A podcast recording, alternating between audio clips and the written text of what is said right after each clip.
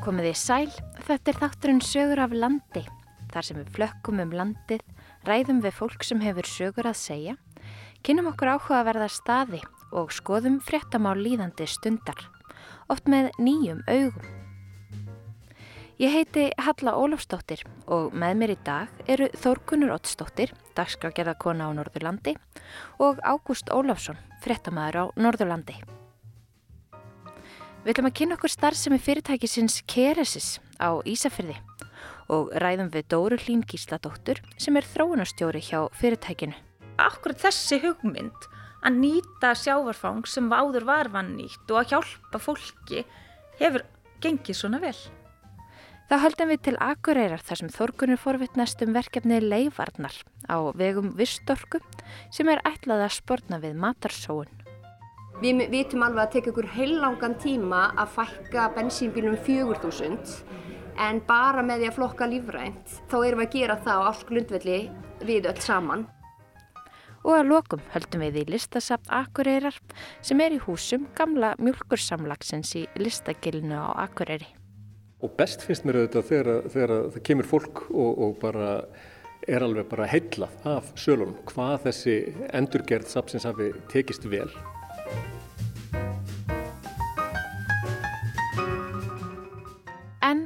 Byrjum á Ísafjörði.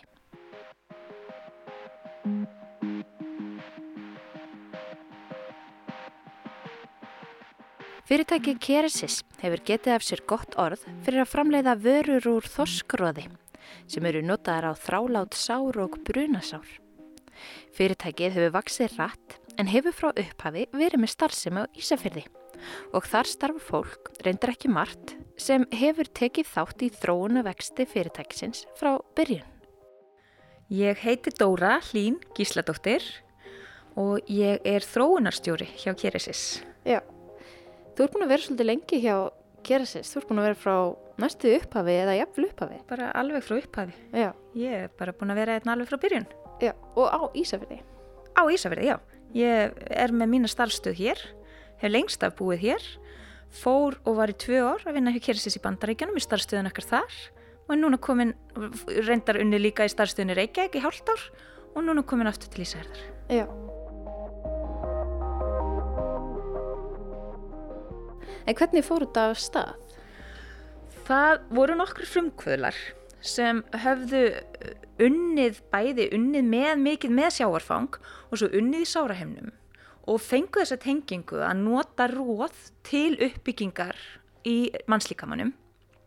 Róð er ekki svo ólíkt, þetta er húð eins og mannshúðin og það að nota þetta gull sem fiskurinn okkar er í lækningauriðnað var í rauninu þá bara eitthvað sem við ákvaðum að prófa ákvaðum að skoða uppbygginguna á róðinu, fara í að þróa, sjá hvert við kæmumst með þessa tækni, skoða vefja uppbygginguna og svo auðvitað hvernig sárin bregðist við.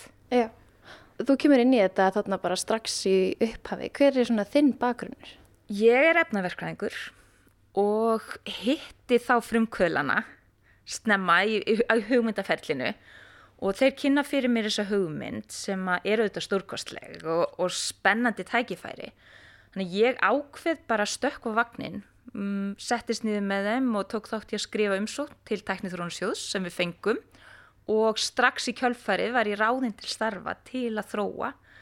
Og mér fannst þetta kannski bara, er það ekki líka ævintýra getni, spennandi tækifæri, hugmyndum að maður gæti færð að gera gott, þú ert að bæði ert að nýta sjávarfang, þú ert að nýta þetta sem við þekkjum svo vel, þetta var tækifæri til þess að auka nýtingu úr fiskinum, taka eitthvað sem var áður vannýtt, tækifæri til þess að gera gott, tækifæri til þess að hjálpa fólki og ég held að mér hafi bara fundist hugmyndafræðin að öllu þessu mjög spennandi. Já. Og þetta hefur heldur betur gengið upp. Já, og svo bara gekk þetta líka upp. Já. Og, já, akkurat, ævintýrið fór að stað og, og stundum vorum við að taka tvö skrif áfram og eitt aftur á bak og stundum tókum við tvö skrif áfram Já. og þannig að við, jú, sannarlega, akkurat þessi hugmynd að nýta sjávarfang sem áður var vannýtt og að hjálpa fólki hefur gengið svona vel. Já. þegar þið byrjuðið í upphafi, hvað voru þið mörg? Það er þarna í lokast 2009 sem við erum að byrja og þá eru það þarna frumkvölarnir sem að höfðu reynslu. Það eru Guðmundur Ferstram, Hilma Kjartansson, Baldur Tumi Baldursson með engalega lögfræðingi með sér já, og, og Baldvin Björn, lögfræðingur. Þeir eru að starta þessu og svo erum við ráðin, ég er ráðin og fljótlega eru það tveir aðrir, þrýr, tveir þrýr aðrir sem við ráðum til starfa mm -hmm. í þá veru þrónu uppsetningu á gæðakerfi og þannig byrjuð við. Þannig að þetta er bara nokkra manna teimi? Þetta var bara nokkra manna teimi í mörg ár. Já. Hvað gerða það sína verkum að þetta fyrirtæki og, og afverðin fer svona á flug? Það var velgengni vörunar. Já. Það hversu vel var hann. Við vissum þó að við höfum hugssjón það getur við þetta ekki vitað í byrjun hversu vel varan virkar en við sjáum það fljótt og það er í kringum 2013-15 sem við erum að gera tvær stórar klíniskar tilraunir gerum þær hérna á Íslandi. Og sjáum hversu vel varan er að virka þegar hún er sett í samabyrði aðra sambarilegar vörur á markaði. Og það eru þetta einsbyttingi sem verður til þess að okkur fer að ganga vel. Og við erum núna, auðvitað, við erum með starfstöð á Ísafjörðu og Reykjavík, við höfum alltaf verið með starfstöð, eða lengi verið með starfstöð Reykjavík. Og erum svo komið starfstöð í Ameríku. Og fyrir nokkrum árum keiftu við líka lítið fyrirtæki, sambaralegt fyrirtæki sem var að framlega sárasprei, þróa framlega sárasprei úr óljum í Sviss, þannig að við erum með starfstöð í Sviss líka. hvers konar vörur voru til staðar og hvernig er var að gera þess öðruvísi? Það sem að allar þessar vörur, sambarilegur vörur við okkar, okkar eru að reyna að svona herma, má segja, er mannshúð. Að þú takir jafnvel húð af einum hluta af líkamann og setir í sár. En á augljósum ástæðum er það ekki alltaf æskilegt. Það er ekki æskilegt að búa til nýtt sár stundum er ekki til nóg af húð þá eru til svona húðbankar þar sem er tekin húð uh, af mannslíkum og það er líka af skortnum skamti, ekki til nóg það er það besta og svo eru þessar vörur sem að reyna að vera jafn góðar og, og mannshúðin og þær vörur eru úr svína þörmum, svína blöðurum gollurhús úr nautgröpum kálva fóstriða til alls konar vörur en við erum eina varan úr fiski Af hverju heldur þetta virkið svona vel? Þetta er húð í húð, það er eitt. Uh mhm. -huh. Svo höfum við fulla trú á að fetursýrurnar sem eru frá náttúruna hendi í vörun okkar, þær er að sé að gera alveg heilmikið. Það er mikið talað og það er mikið rætt um vírusa undan farin misseri mhm. -huh og það eru þekktir vírusar sem geta smitast úr allskynns spendurum í menn en það er ekki þekktir vírusar sem geta smitast úr svona kaltsjáfiskum í menn þannig að við þurfum þá ekki að nota framlýsluferli sem tvær burt allar fytur það leifir okkur að halda þessum náttúrulegu fytum sem eru og, og þar með líka þessum struktúr og öllum innhælsefnum sem eru í þorsku eða fiskhúðinni prótenunum þar og ammunsýrum það er okkar kenning. Mm. það er þetta sem er. Við erum með þetta, við erum með þessi, þessi lög af húðinni sem eru þekkt og, og þau uppbyggingarefni sem þekkjast í, í húðum, þau eru ekki eins ólíkum að myndi halda á milli þessara tegunda. Um mitt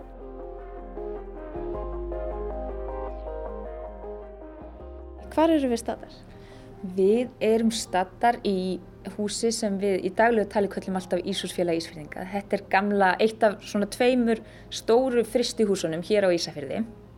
Hér eru við búin að vera mjög lengi og byggðum okkur fyrst svona kannski frum framlegslu eða pælotframlegslu og erum svo búin að skala hann upp alveg heilmikið.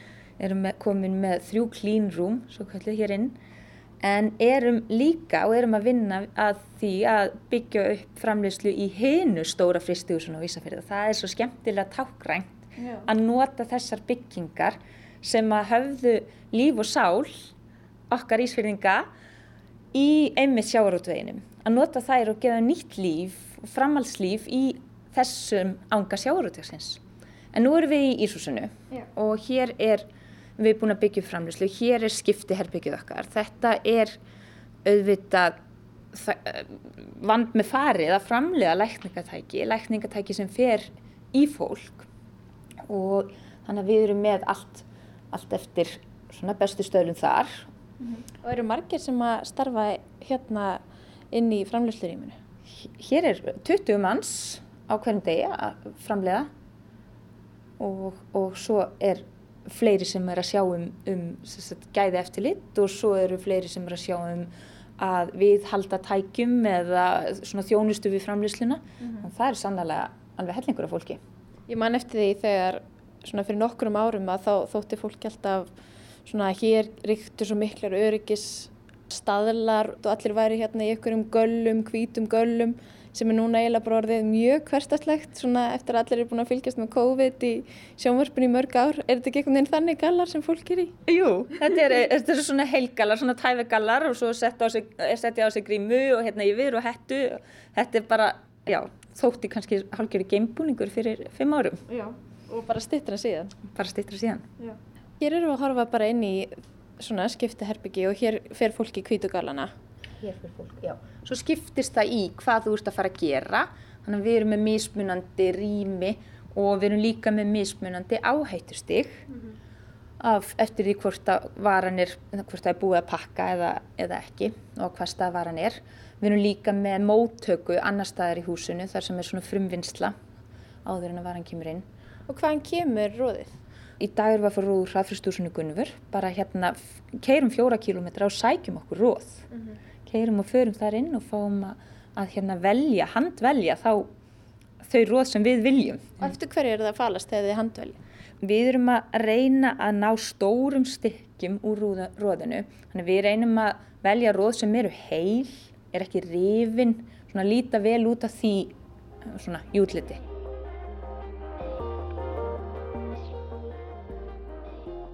En í hvers konar sár eru þau helst að nota kersisvörunar í dag? Þetta hefur, að má segja, útvíkast með árunum. Það er auðvitað mikið um síkursíkisár. Síkursíki er gríðarlega stúrt vandamál út um allan heim en ekki síst í bandaríkjanum. Síðan eru bláaðasár líka ansi erfið og er, gerir líka líkamnum erfitt að ná að gróa. Við erum líka mikið að nota það.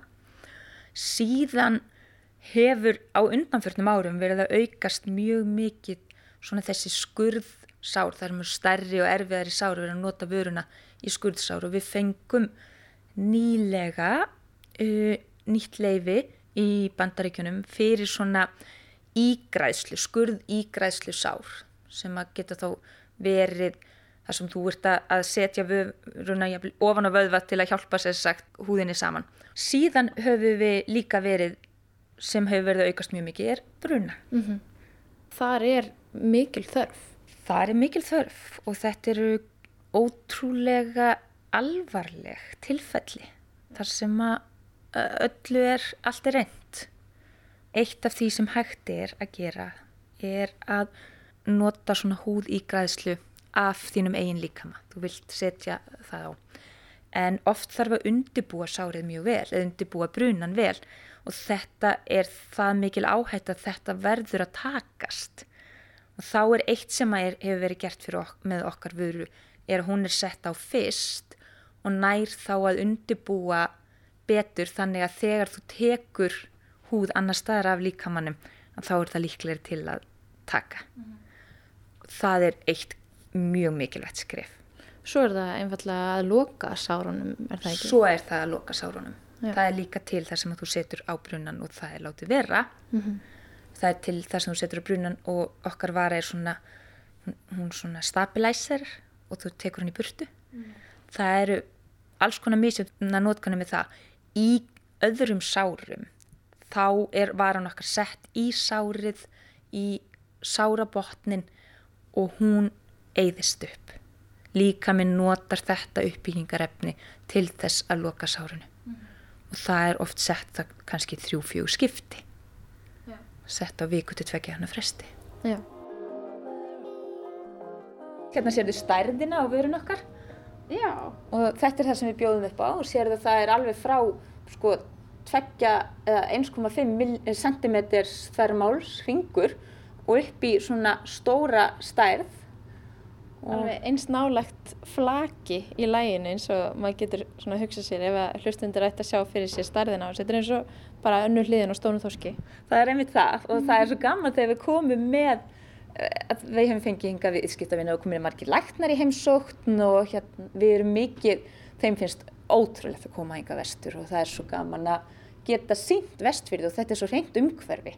Það skapar svo mikið líka traust. En þeir þekkja náttúrulega ekki flag. Mér finnst þetta svo augljóst af hverju þetta er svona í læginu en, en fyrir þeim er mjög skrítið að hafa svona trapisulaga. Já, að vefja uppbyggingar efni. En, en það er einmitt það sem að mér finnst alveg augljóst. En hér eru þið með þá megin framlýsluna. Hér erum við með meginframlýsluna og hérna ertu að horfa inn í svona room klefa. Það þú sér að þú byrjar og ferð þarna inn og það er loftskipti rými. Það er svona blæs á því lofti til að sjá til þess að allar agnir fari nú í burtu áður en þú kemst inn í clean roomið. Þeir eru þarna og hérna það skiptir miklu máli að, að passa upp á loftþrýsting. Þú vilt að loftið flæði úr herra og niður í lægra alls konar mjög miklar svona pælingar. Það er ekki bara að framleiða vöruna, það er allt umhverfið þarf að vera tipp-topp, eðlilega. Það lítur að hafa verið smá frumskóður að fara inn í þetta á sínum tíma. Já, veistu það var það alveg. en auðvitað erum við ekki eina lækningafyrirtækið uh, framleiðandan á Íslandi og það hjálpar líka til og það er skemmtilegt að hjá okkur frumkvölarnir hjá okkur kynnast í össur og engaleifarlegfræðingurinn okkar til að byrja með engaleifarlegfræðingur sem að þeir kynnast í össur og svona það er þetta sem að fólk talar um klasa og svona hjálpar á Íslandi eitt, eitt leiðir af öðru þannig að það hjálpar líka. En auðvitað hellingsfrumskóður en við höfum náð að byggja þetta vel upp og erum nokkuð örug með okkur núna. Vitum hvað við erum að gera. En hvað er það að gera í hinnu gamla fristuhúsinu? Í hinnu gamla fristúrsunni erum við að byggja, við erum með eh, lítinn hluta af framlýslinn þar núna, en við erum að byggja upp, bara að stækka við okkur, að byggja upp framlýslinu frá A til Ö. Og flytur hún þá þanga? Þá flytur hún þangað. Og það er svo gaman að, þessi fallegu hús, er gaman að nota þau, sko. Og svo vill þannig til að bæði þessi hús eru með, sko, útsýni. bara að hérna svona miljón dólar útsýni. Það er alveg ótrúlegt að þau eru bæði með útsýni hérna út fjörðin, yfir fjallin, yfir á Snæfallaströnd og maður svona, þannig að þegar þú situr og framlega og svona horfir dreymin upp og kemur svo aftur niður í örfyrir mælingar.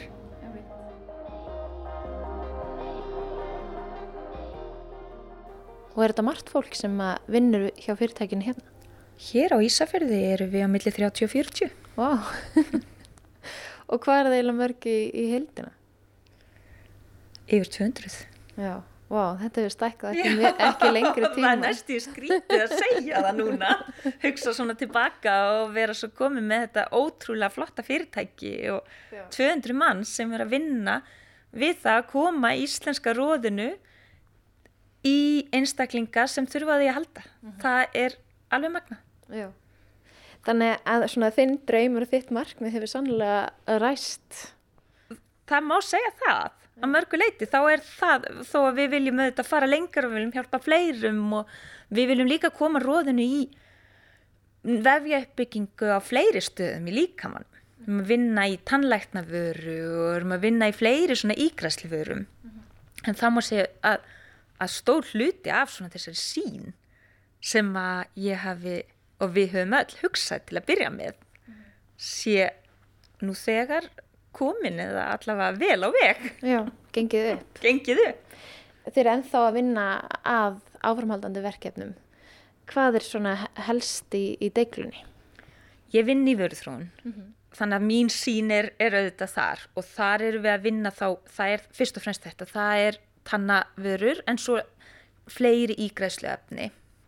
Við, það er allskins, allskins þörf, það eru tauga, svona taugarapp eða vefja um taugar eða sínar, Um, það er allskynns þörf þar sem við teljum og sjáum að varan okkar geti nýst.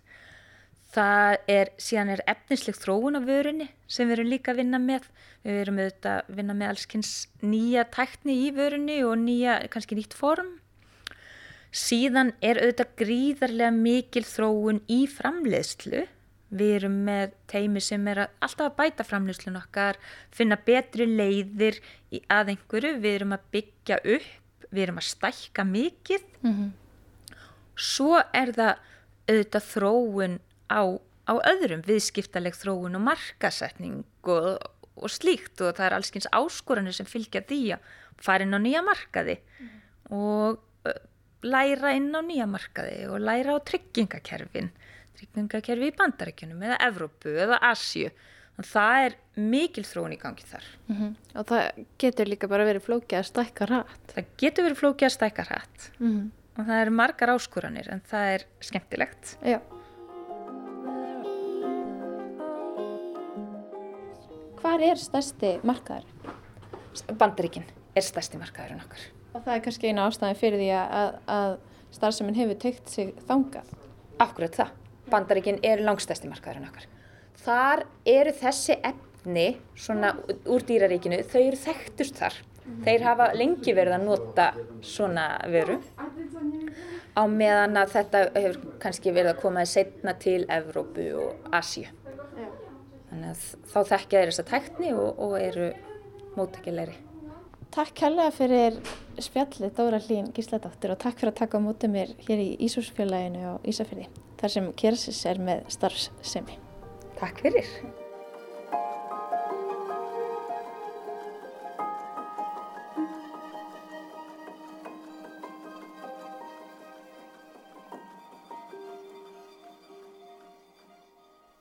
Frá Ísafjörði höldum við norður á Akureyri. Við höfum ekki alveg sagt skili við frumkvæluna. Því Þórkunur, þú fórst á hittir konur sem vinna nú að verkefni til að sportna við matarsóun. Já, matarsóun er auðvitað mjög stort umhverfis vandamál. Leifarnar af kvöldmatnum eiga það til að enda í ruslinu og maður getur rétt ímynda sér magnið sem verður eftir á veitingastöðum landsins í lok hvers dags. Hjá Vistorku á Akureyri er einmitt í gangi verkefni sem heitir Leifur Arnar og snýst um það að gera eigendur og viðskiptavinni veitikastada meðvitaðri um Leifarnar. Ég röldi hérna yfir á veitikastadin Akureyri Backpackers og fekk að vita meira um þetta.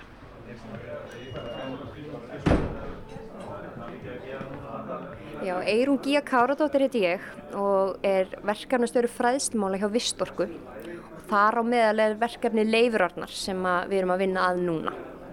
Það var einmitt það sem ég ætlaði að spjalla við þig um.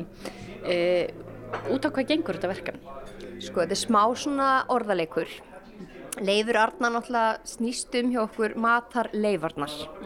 Þannig að það er svona smá leikur orðum hana en það sem við höfum verið að skoða meðal annars hjá Vistorku er matarsóun og svo hvað við gerum við leifarnar, matarleifarnar okkar og vinnum mikið með moldu og svo líka með orkei sem að sér um lífdísilinn og við akkurringa til dæmis eða hér nærsveita fólk hefur verið duglegt að flokka lífrænt og, og margir hverfir að flokka hérna matarolíuna, nota matarolíu og annað en það hefur verið svona minni pressa eða kannski bara einhver, ég veit ekki hvað þetta segja, þú veist veitingastafnir hefur ekki endilega tekið þátt. Nei.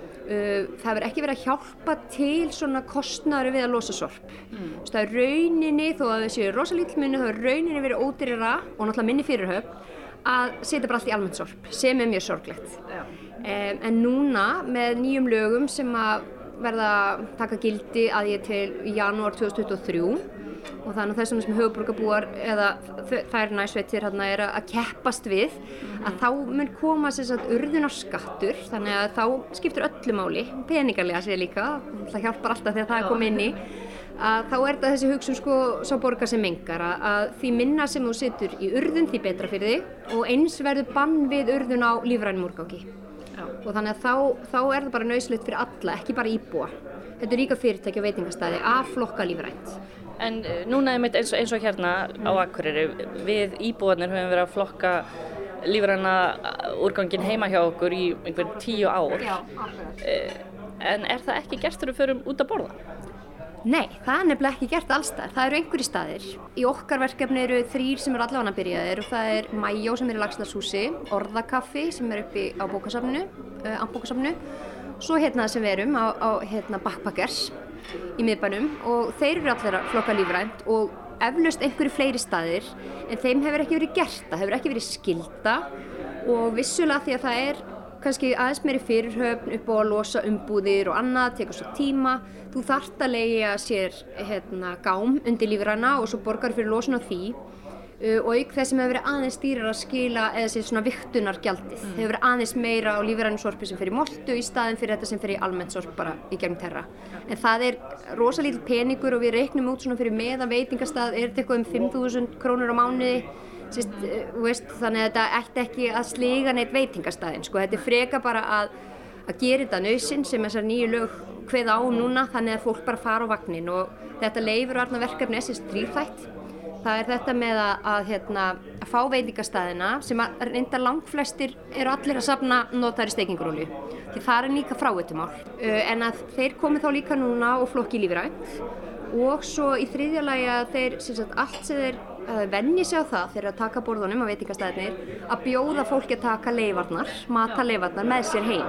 Það hefur verið svona fólk hefur getað beð um það en það er kannski, veist, fólki leimir því eða heyri til undantekninga eitthvað en við erum nokkuð vissum að ef allir eru spurðir mm -hmm. þá er léttar að segja já heldur en að kalli þjón og byggjum.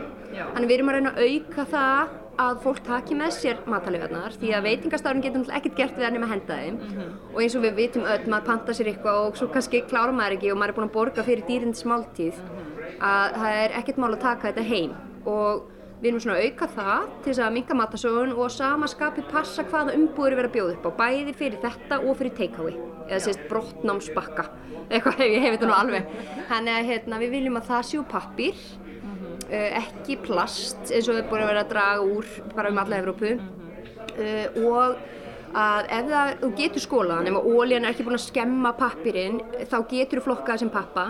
En ef ólíðan er búin að skemma hann og svona sjúa sig í hann eða hún getur ekki, hefur ekki aðstæði til að hreinsa matalöfna þá megi þetta fara í jargerð þannig að þetta er svona loftlagstrennan eins og við tölum um, Já. það er þetta að, að flokka lífrænt uh, sopna matarólíunni og, hérna, og bjóða upp á að taka mati með sér heim og, og hafa góður umbúðir. Uh, og finnst þér uh, veitingahúsa eigendur jákvæðir fyrir þessu verkefni? Svona til að byrja með erum við mest í núna svona þróunar vinnu og ég vildi vinna með veitingahúsunum. Ég hefði sjálf viljað fá betri viðbröð ef ég segja alveg svo er en vissulega þessi þrýr sem eru byrjaður eru komnir og þá svona hætti ég að leita eftir meiri veitingahúsum til að byrja með mér að því ég vildi bara ákveðna þróunavinnu og það var eiginlega betra að hafa ekkert of stórt heimi bara upp á allt gangi skilvirt og, og vel fyrir sig.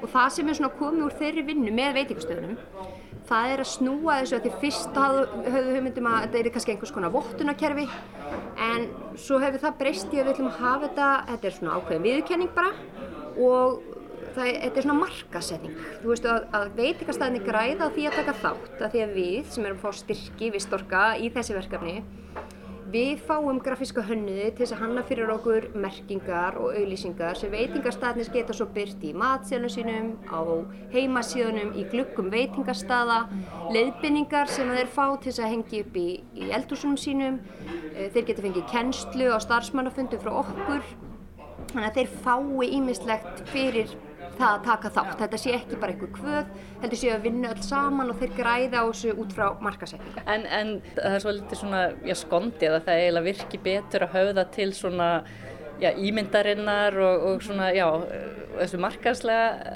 heldur en umhverfis samanskupitsins. Já, það er eiginlega þannig og, og auðvitað er þetta, þetta snýst um rekstur og, og það eru margi sem er að gera vel og margi veitingastæðir hér eru löngubyrjaðir að taka út plast og vera með papparur og bara ímislegt sem er hafa gert. Og það er eigin frumkvæði.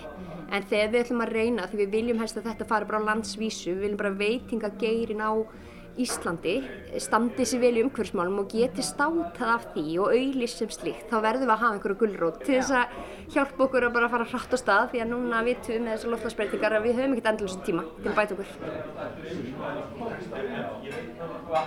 Ég heiti Inga Leila Ólustóttir og er eigandi og frangværtastjóri Akkurir Backpackers Hvers vegna ákvaðu þið að taka þátt í þessu verkefni? Það, það byrjaði á Eirónu. Ég fekk post og mér finnst þetta frábært. Við vorum náttúrulega komin mikið á stað bara sjálf en svo er alltaf þetta bæta við og gera betur og þess vegna. Og þetta er bara mikilvægt verkefni og við þurfum öll að henda okkur í þetta.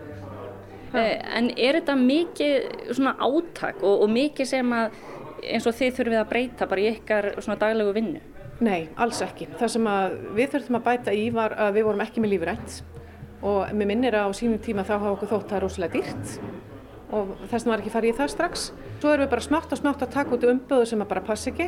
Þannig að það er eiginlega allt, sko, allt gós er í, í semst, það er ekki plasti lengur síðan 2016, við erum með papparör, þessar endurvinnarlega umbúður, sósurnar eru líka komnar í endurvinnarlega umbúður núna, pappamálinn og, og svo þetta erum við að flokka í eldhúsinu og við reynum að flokka líka í gestaeldhúsinu þar sem að gestirnir eru, þetta, en auðvitað þetta gengur misvel og þetta tekur tíma mm -hmm. og maður það svona bara, já, ég hugsa að þetta takja okkur einhver ár að verða, við erum aldrei fullkomin í þessu en hérna, það má alltaf reyna. Já, ég ætla að sína þér aðeins, við erum með lífrann þetta hérna, hér er svo blandar sem á að vera lítið í Já. Já. Svo erum við hérna að flokka og það fyrir allt út í stóra flokkuna tunnu úti. Mm -hmm. uh, en, en er þá eins og þessi lífaræna tunna, hún var þá ekki áður? Nei, þetta var það sem ég bætti við mm -hmm. og við vorum að flokka sko plast og pappa og, og gós umbúðir mm -hmm. og svo erum við með sagt hérna sósu umbúðir. Þetta er ég að klára, kom, komið með pappa Já. samt. Við erum með bambus nývapur, það er til og með seitt. Og svo er þetta semst, eitthvað sem áfær í moltuna, þessar endurvinnanlegu take-away umbúðir. Eða, semst, tak, þetta, er, þetta var eiginlega stóra málið. Lífræna og allar umbúðir sem er að fara út úr húsinu séu einhverju svennir.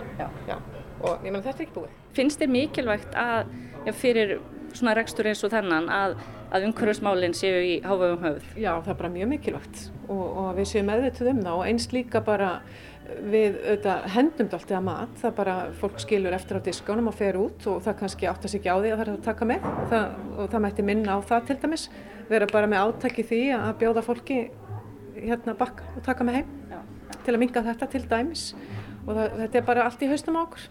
Og við þurfum bara að koma okkur í, þú veist, í rétta gýrin og hugsa meira um þetta. Og við erum svo sem að því, ég held við séum bara á góðri leið en góðir hluti gerast hægt Það er ekki svolítið. En, en finnur fyrir því að ykkar viðskiptavinnir séu eitthvað að spája svo hluti? Já og nei. Þú veist, mér finnst það að aukist að fólk sé að taka með. Ég man það þegar ég, maður var yngri, það var svo hallæðarslegt sko að taka með. Maður bara fór undir borð ef að fóröldra maður sætti að taka með eitthvað. En það er bara allt öðru í síðan dag. Þannig að við, sko, við hugsaum öðru í sig. Og unga fólki okkar líka, þú veist. Þannig að já, ég held að, að hérna, þetta sé allt á réttri leið. Er eitthvað svona sem þú myndir vilja segja við aðra veitingahúsægundur sem eru að hugsa þessi mál? Já, bara engi spurning að henda sér á vagnin af því að á endanum verðum við öll að, að leggja þöndablóm í þessu. Það er bara þannig. Bæði heima og, og ef maður er eitthvað fyrirtæki. En er þá hugmyndin að, að byrja svolítið hér, þróa þetta svona uh, hér með kannski nokkru veitingastöðum og, og þetta verði svo bara verkefni sem er á landsvísu?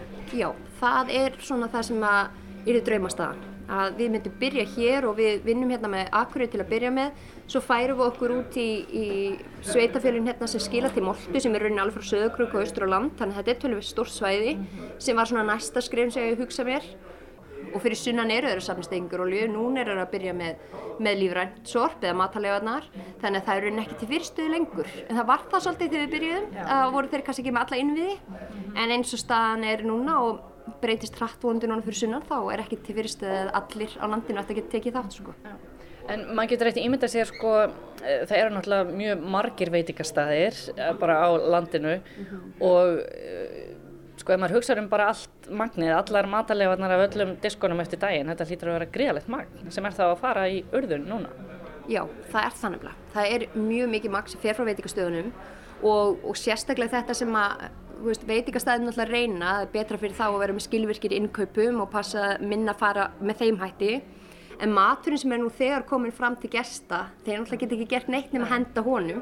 Þannig að við, já, ég gerir ráð fyrir því þó ég sé ekki einhverja fasta tölu það sé töluvert stór hluti af, af matarleifum sem fara í urðun í dag séu frá veitingageranum sko. En, en hversu bara stórt umhverfismál er þetta Sko þetta er mjög stort umhverfismál eins og bara ef við tökum hérna fyrir hvert kíló af matalefum sem að þú situr í grænukörfuna þá sparast, ef við getum orðað svo, eitt kíló af koldfjóksíði sem fær út í andrúsluftið. Þannig að þú hugsaður um allar þessi kíló af matalefum sem er núna verið að henda Þetta er alltaf að fara að enda, veist, þetta verður metan sem er öflur í gróðurhúsaloftegundur heldur en CO2 en þetta endar sem þá þessi mörg hundruð þúsund kíló af koldioksíðu upp í loftinu. Þannig að þetta hefur vissilega gríðarlega mikil áhrif og bara til dæmis árs, þú veist við getum talað um með moltu hér þá tölum við um svona ávinninga því að það náttúrulega líka kemur losun á að jargera en náttúrulega ekki næstíðast mikið eins og ef að lífrænt fyrir urðun. Þannig að ávinningurinn til dæmis á moltu er eitthvað um minni mig 4000 bíla árslósun á bensíni, þú veist, sem að við vitum alveg að teka ykkur heilangan tíma að fækka bensínbílum 4000 en bara með því að flokka lífrænt þá erum við að gera það á ásklundvelli við öll saman mm -hmm. þannig að getur ímyndið okkur ef all landi kæmi þar þá myndi það vera mjög stórt skref fyrir okkur að reyna að draga úr þessum útblæstur okkar í, í, já, sem hefur að gera með bara okkar vennilega líf ekki bara þegar við keirum, þetta er bara ymmislegt annað já. Eh, það verður gaman að sjá eh, hvernig þetta verkefni á eftir að þróast já. Eirún Gíja Káradóttir bara takk kærlega fyrir spjallin Takk sem leiðis Við ætlum að halda okkur á Akureyri og í miðbænum sömu leiðis. Við sláumst í för með Ágústi Ólafsinni og röldum í listakilið. Þar sem þú skelltir þér á listasafn Akureyrar, ekki satt? Já, einmitt. Dagskar á listasafnsins á Akureyri fyrir þetta áleikunum fyrir og ég fyldist með þegar starfsári var kynnt. Og þetta er stórt safn í húsnæði sem á sér langa sögu. Já, listasafni er í gömlu mjölkusamlashúsum í miðbænum sem öll voru gerð upp fyrir fáum árum og ég fór í smá ferðalega um safnið með honum hlini halsinni safnverði. Jæja, sælverði. Velkomin í listasafnið til mig bara hjarnan til ykkur. Gaman að sjá okkur hér á þessari kynningu á ársdagsgráni okkar. Og eh, ég ætla bara að fara svona bara að renna yfir árið þessar átján síningar sem við ætlum að opna á árinu. Það er bætast þá við þessar sex síningar sem eru í gangi reyndar núna og svo í, lokin þá ætlum við að, við erum alltaf að vonast til þess að við getum bara farið í á fullt aftur eh, hérna emitt eftir eftir svona doltinn hægagang og við höfum þurft að fresta mörgum síningum og allavega hana en við erum komin svona á okkar slóð aftur.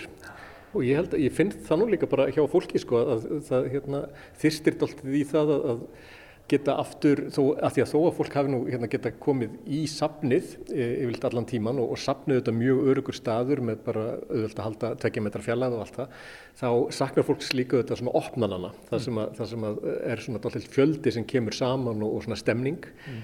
Og eh, já, við ætlum til dæmis eh, að, að stíla þessu upp á það að vera til dæmis með kvöldopnun í, í sumar, opnum þrjár síningar á, á sama tíma og, og hérna og þá vonum við þetta bara allt hérna listagilið yði af, af lífi og verði opnanir í, í kaktus og mjölkubúðin á deglunni og rösk og öllu þessu stöðum. Mm. Vegna það er auðvitað líka svona, það, það, er, það er eitt auðvitað að koma í sapn og, og njóta myndlisteirnar en, en hitt er líka þessi bara stemningin hérna þegar eitthvað er að opna og eitthvað er að, að gerast að, að það er auðvitað líka mjög skemmtilegt. Þetta sapn á sér langarsögu og ekki síst svona skelinni kringu það, mjölkursamlægið, en það heita salir, kittilhús, mjölkubúðinn og ymmislegt svo leiðis. Það eh, gekk mikið á, við þekkjum þá sögu, gekk mikið á þegar það verið að endur byggja hér allt saman og setja þetta mjög margar miljónir. Hvernig líður þér svona með allt þetta eftir að þetta var nú orðið fínt og kvítmála og fallett og margi salir?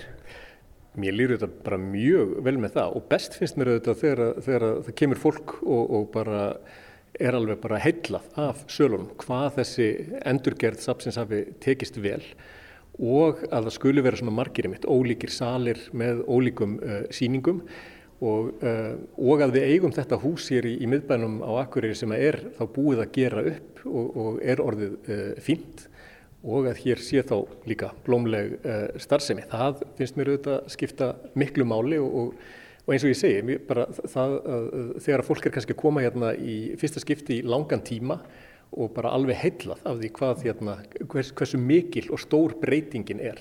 Fyrir utan auðvitað, þú veist hvað aðstæðan er svo miklu betri fyrir til dæmis samkennslu að taka á móti skólahópum, að við séum komið með listaverkagemslur og, og svo framvegis að, að hérna, það eru þetta líka mikill kostur. Hvað geta marga síningar verið opnaðir í húsinu einu? Það hafa verið nýju síningar mest í einu. Eh, þetta, uh, rýmin okkar eru þannig að við skilgreinum þau sagt, í tólf sali. Það er að vísu sko, eitt af þeir, því eru bara útisvalirnar, þar sem við erum með hérna, sem að, það sem við notum líka fyrir, fyrir síningar. En uh, mjög algengt er að því að, að, að sumarsýningarnir eru þetta í, í tveimur eða þremur stundum er í fimm uh, sölum eins og, eins og núna, stærsta sýningin okkar, að þá er svona algengt að þeir síu semst á bylunu uh, 6 til 8 og þá getur við sko spilað saman með svona mjög langar síningar eins og uh, þessi síning Gjöfinn til Íslenskar alþýðu þar sem að hérna við erum með svona klassík frá listasafni ASI. Og þar stöndum við einmitt akkurat núna? Akkurat, bara með hérna fjallamjölk fyrir, fyrir augunum og, og, og fleiri perlur úr, úr íslenska listasögu og það er svo stórkostlegt að geta haft svona síningu alveg í heilt ár en að vera að skipta um síningar í sölunum í kring Þannig að það sé svona reyfing í því að, að fólk geti þá komið aftur og, og séð þá bara uh, gamla kunningja og, og, hérna, og séð verk sem þau eru búin að sjá fyrir kannski tvei mánuðum og uppgöttaði aftur í nýju ljósi. Segðu mér aðeins í, í þessum sal hérna, hér eru gömlu meistarinnir allir, þú myndist náttúrulega á Kjárval og Fjallanólkina. Hverjir eru hérna? Það er uh, Jón Stefánsson, uh, um, Áskrimur, Júlíana Svinsdóttir, Nína Tryggvadóttir. Þetta er veru stopngjöfin sem Ragnar í Smára gaf alþjóðsambandinu á sínu tíma með því uh, fororði að, að, að það erði stopnað listasafn alþjóðu utanum þessa, þessa gjöf.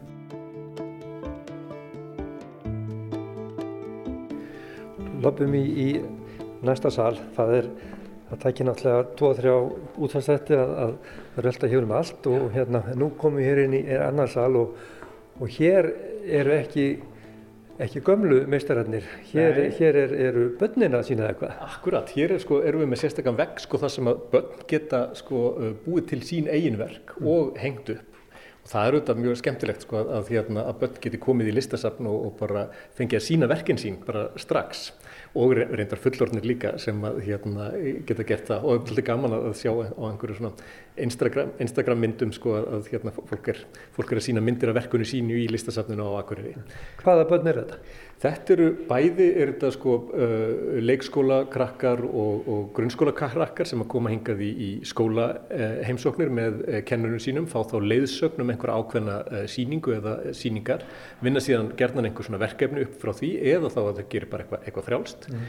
En þetta eru lítið, þetta er bara uh, börn sem koma hingað með, með fóreldurum eða, eða aðstandarnu sínum og, og hérna og tekna og, og lita hér á staðnum og, og setja, setja síðan verkinu upp á, upp á vegg. Höldum áfram. Já.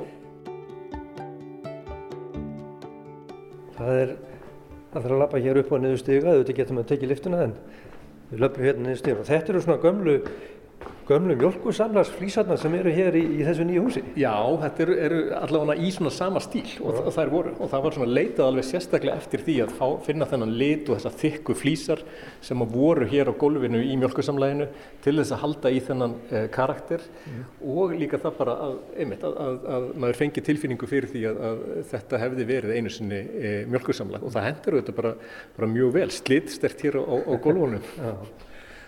gólfunum. Það er ennett salurinn, eh, núna veit ég ekkert í minn haus þegar ég kem hér inn en hérna, hvað sjáum við hér? Þetta eru verk af síningu sem heitir Nánd eða Embrace og eh, eh, Mika Hannula er, er síningastjóri og þetta eru sex eh, listamenn sem eru öll að vinna með hérna, málverk en á svona mjög fjölbreyttan hátt og hér eru til dæmis alveg svona bara veggmálverk, risastort verk sem er eh, málað með sérstakri eh, málingu sem kemur úr námum á Englandi.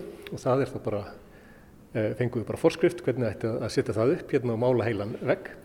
Og síðan eru hérna tveir finskir listamenn sem eru líka sína og Íslendingarnir í síningunni eru, eru hún Þórtís Erla Sóeka og Birgir Snæbjörn Birgisson.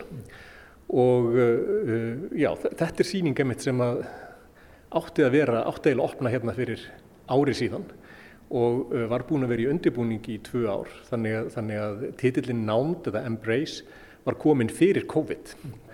Þessi síning verður alveg, alveg fram í mæ, hérna í fimm sölum á efstu hæðinni á safninu, á þessari hæð sem aðeimitt var tekin í notkun fyrir rúmum þreymur árum síðan þegar að safni var endurbyggt.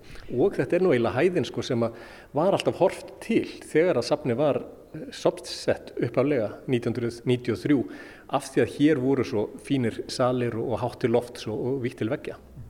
Þessi sko, fjölbreytni í sölunum líka sko, að þau, eru litlir og stórir og, og sumir með gluggum og sumir ekki. Og það er líka eitthvað svona skemmtilegt veist, að, að það eru þetta eitt að njóta myndlistarinnar en líka að bara njóta útsýnisins yfir, yfir í, í kirkju eða, eða geta lappa út á svalir og, og hortnir í, í bæ eða yfir í valaheiði, það er líka einhver svona hluti af þessu. Gerum það snöggvast? Já. Löfum út á svalir og, og kíkjum út, það er að vísu svona Ég held að það sé næstu í tíu stöða frost og við erum báðið frekar léttklættir en látum okkur hafa það. Já, já.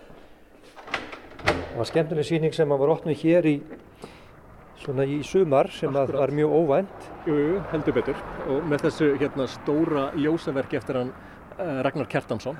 Undir heimar Akureyrar. Já, einmitt og margir hafa spurt því býtu hvað Akureyrar stendur undir heimar Akureyrar uppi á, á toppinum á listasafninu. En, en ástæðan eru þetta uh, svo að hérna að uh, Ragnar var búinn að ákveða að gera eitt textaverk, skildi hér og þegar að hann heyrði í, í fréttum, þetta var bara í upphafi hérna COVID-faraldsins, að það væri smitt í undir heimum Akureyrar þá þótti honum það bara svo storkaslegt því hann hafði þetta síðan hérna eins og fleiri Akureyri fyrir sér sem einhver svona fyrirmyndastað þar sem alltaf veri gott veður og, og, og ekkert misjamt hérna myndi gerast. Alla væru virkilega til undirheimar á Akureyri en auðvitað eru til undirheimar hér eins og, eins og annar staðar og hérna og þess vegna kemur þetta til að hérna undirheimar Akureyrar þeir þeir eru hér.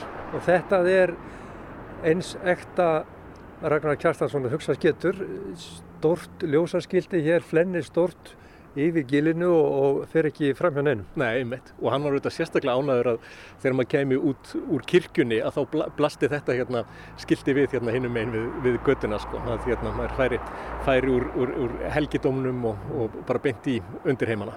Og hér er umferðarniðurinn úr, úr listagilinu og, og við getum hort yfir það. Hér er ábyggilega glæsild að vera í, á heitum dögum á sömurinn og hér var voru menn út með veitingar í sumar? Já, já, mitt ketilkaffi býður upp á, á, á veitingar hér á, á sumrin og það er alveg stórkoslegt að sitja hér að því að hér er sólríkur staður og það er skjól fyrir hérna hafgólun eða norðanáttunni mm. Þannig eins og reynda gílið er svona snýr eina, eitt af þessum fáu göttunum sko í bænum sem snýr rétt það er að segja austur og vestur mm. þannig að sólinn næri hérna inn en það er samt skjól fyrir norðanáttunni þannig að þetta getur orðið algjör hittapollur og hér upp á, upp á svölum eru þetta alveg bara stórkoslegt að vera á, á hérna sumurinn og, og hérna fá sér njóta veitinga og, og, og horfa yfir, yfir bæinn. Og móksnjóður á okkur núna, við skulum koma okkur inn aftur svo við, þetta er bara ekki kulda en, en það er greinlega hægt að, hægt að hérna við sjáum það hér, hægt að njóta alls konar síninga og fjölbreytin er, er ótrúlega og hérna og ég veldi fyrir mér einu, ég hef stundu spurtið að því vegna þess að þú ert sjálfur listamæður og áttir, átt sjálfstegn þá, frægaverk sem að voru umdelt. Hvar er listamæðurinn Linur Hallssonuna? Hann er nú bara svona frekar rólegur sko, bara hérna eitthvað að gera einhver svona skissur á, á vinnustofunni og einhver, einhver plön sko, en, en ég vissi náttúrulega þegar ég myndi taka við þessu starfi að þá get ég ekki verið á fulli sem, sem myndlistamæður líka. Ég hef að vísu verið eitthvað svona sína aðalega þá út í uh, Þískalandi eða, eða Fraklandi eða Noregi en ekki svo mikið kannski hérna á Íslandi. En uh, ég á nú ekkert mjög langt eftir hérna, ég, það er bara rúm tvö ár sem ég verði áfram, uh, sapstjóri, listasapsins á Akureyri mm. og þá bara hlakka ég til að fara að geta held mér út í að vera myndlistamæður aftur. Þannig að þú ætlar ekki að sækist eftir þessu starfi áfram? Nei, sko, í, í raun og veru, það, það, er, það er bara skilir, það, þetta eru tvö fimm ára tímabill og, uh, og það er semst búið að endur nýja það einu sinni þannig að það verður ekki endur nýjað aftur og mér finnst það mjög gott vegna þess að ég held að það sé mjög gott uh, fyrir safnið að fá uh, enduníun, að, að það kom einhver annar að með, hérna, með eh, nýja sín og, og nýjar hugmyndir og því ég held að það sé ekki gott að, að, að, hérna, að staðna í einhverju, einhverju eins, og, eins og starfi eins, eins og þessu. Verður, verður listamæðurinn Linur Hallsson með síningu í listasafninu Akureyri eftir þrjú ár? Já, það, það þarf að ræða við næsta sapstjóra. ég veit það ekki, en það væri gaman. Takk hjálpa fyrir spjallinlinur og, og hérna, það verður gaman að fylgjast með þessu starfi sem var verið að starta hér í dag og starfsárinu. Já, takk fyrir komuna kærlega. Þarna heyrðum við í Lini Hallsinni, sapstjóra listasaps Akureyrar. Ágúst Ólafsson talaði við hann. En þá komum að lokum hjá okkur í sögum af landi í dag. Auk þessa röldam listasapn Akureyrar hitti Þorgunur Ottsdóttir, þær Eirunu Gíu Káradóttur og Ingu Lilju Ólafsdóttur sem sögðu okkur frá verkefninu Leifur Arnar sem er ætlað að sportna við matarsóun á veitingahúsum. Þá hittum við Dóru Hlín Gísladóttur, þróunastjóra hjá Keresis sem sagði okkur frá starfsemi fyrirtækisins. Teknumar þáttarins var Lítiða Gretarsdóttir. Við minnum á að þennan þátt og aðra þætti af sögum af landi má nálgast í spilararúf og á öllum helstu hlaðvarpsveitum. Við þökkum þeim sem hlítum, lifið heil.